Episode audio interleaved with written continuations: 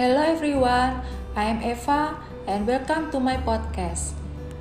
Here we're going to discuss about leadership behavior and the multi-rater feedback instrument. As we know, leadership behavior is traits and action that make an individual effective as a leader. This behavior is the process by which a person can guide, direct, and influence the work of others to meet specific goals.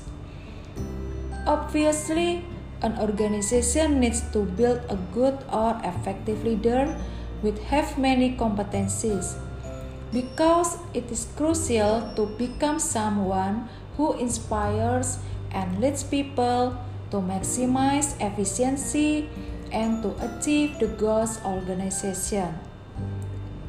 Therefore, is relevant with multi-rater feedback instruments, which design to solicit feedback on a number of characteristics, skills, and behaviors that will represent effective management, teamwork, or leadership practices. Leadership behavior itself actually is just like a function of intelligence, such as personal traits, emotional intelligence, attitude, interest, knowledge, and experience. The most effective leader will focus on productivity and people. Just like in my company, we also have a method to assess the leadership behavior to make an improvement to greater performance and to increase the productivity of a team. Also to find other area that need to be improved from some feedbacks. Usually, we have some questionnaires about the leader behaviors to assess the degree to which leaders show the four dimensions of leadership behavior. Whether as a directive leadership, supportive, achievement oriented, or participative leadership. Well, our company use 360 degree assessment that require a minimum of 3 raters from its peer and employee rater group. The leadership competency model elaborate about analysis problem, make decision, think strategically, how to plan and execute, how to inspire and build talent on the team, have a good teamwork, and open communication with the whole team. Have ability to build relationship and last customer focus and credibility. In our company have setting the target not only the financial but also non-financial will be related to our values company like honorable, enterprising, united, and committed. Some level of managers usually get the feedbacks from three layers below.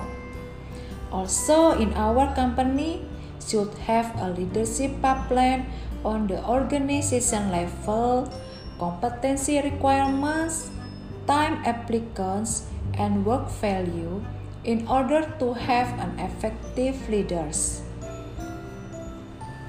From my point of view, it is still necessary to measure leadership behavior. So then we will get the right man in the right place.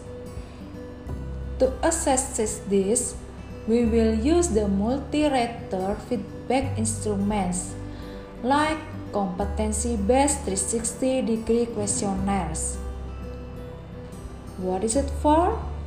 Well, it can help organization to identify the behaviors leaders need to show and make questionnaires that reflect these behaviors. Also run the questionnaires to target individuals and generate feedback reports that show the combined rating results.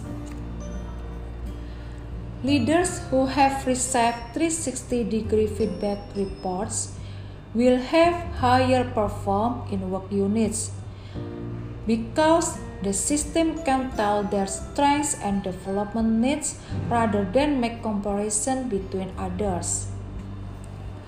The primary purpose of multi-rater feedback is to provide an individual with extensive feedback on their skills, knowledge, or performance from a group of individual raptors who are familiar with their work. So, from here, we can conclude that the leaders have to set development goals and commit with a development plan to improve their skills. With the help of organization levels and competency models, leaders can find out the specific types of behavior that is required to form a team and get results for the position from others by assessing leadership behavior with the multi-rater feedback instrument. Thank you so much for listening to my podcast.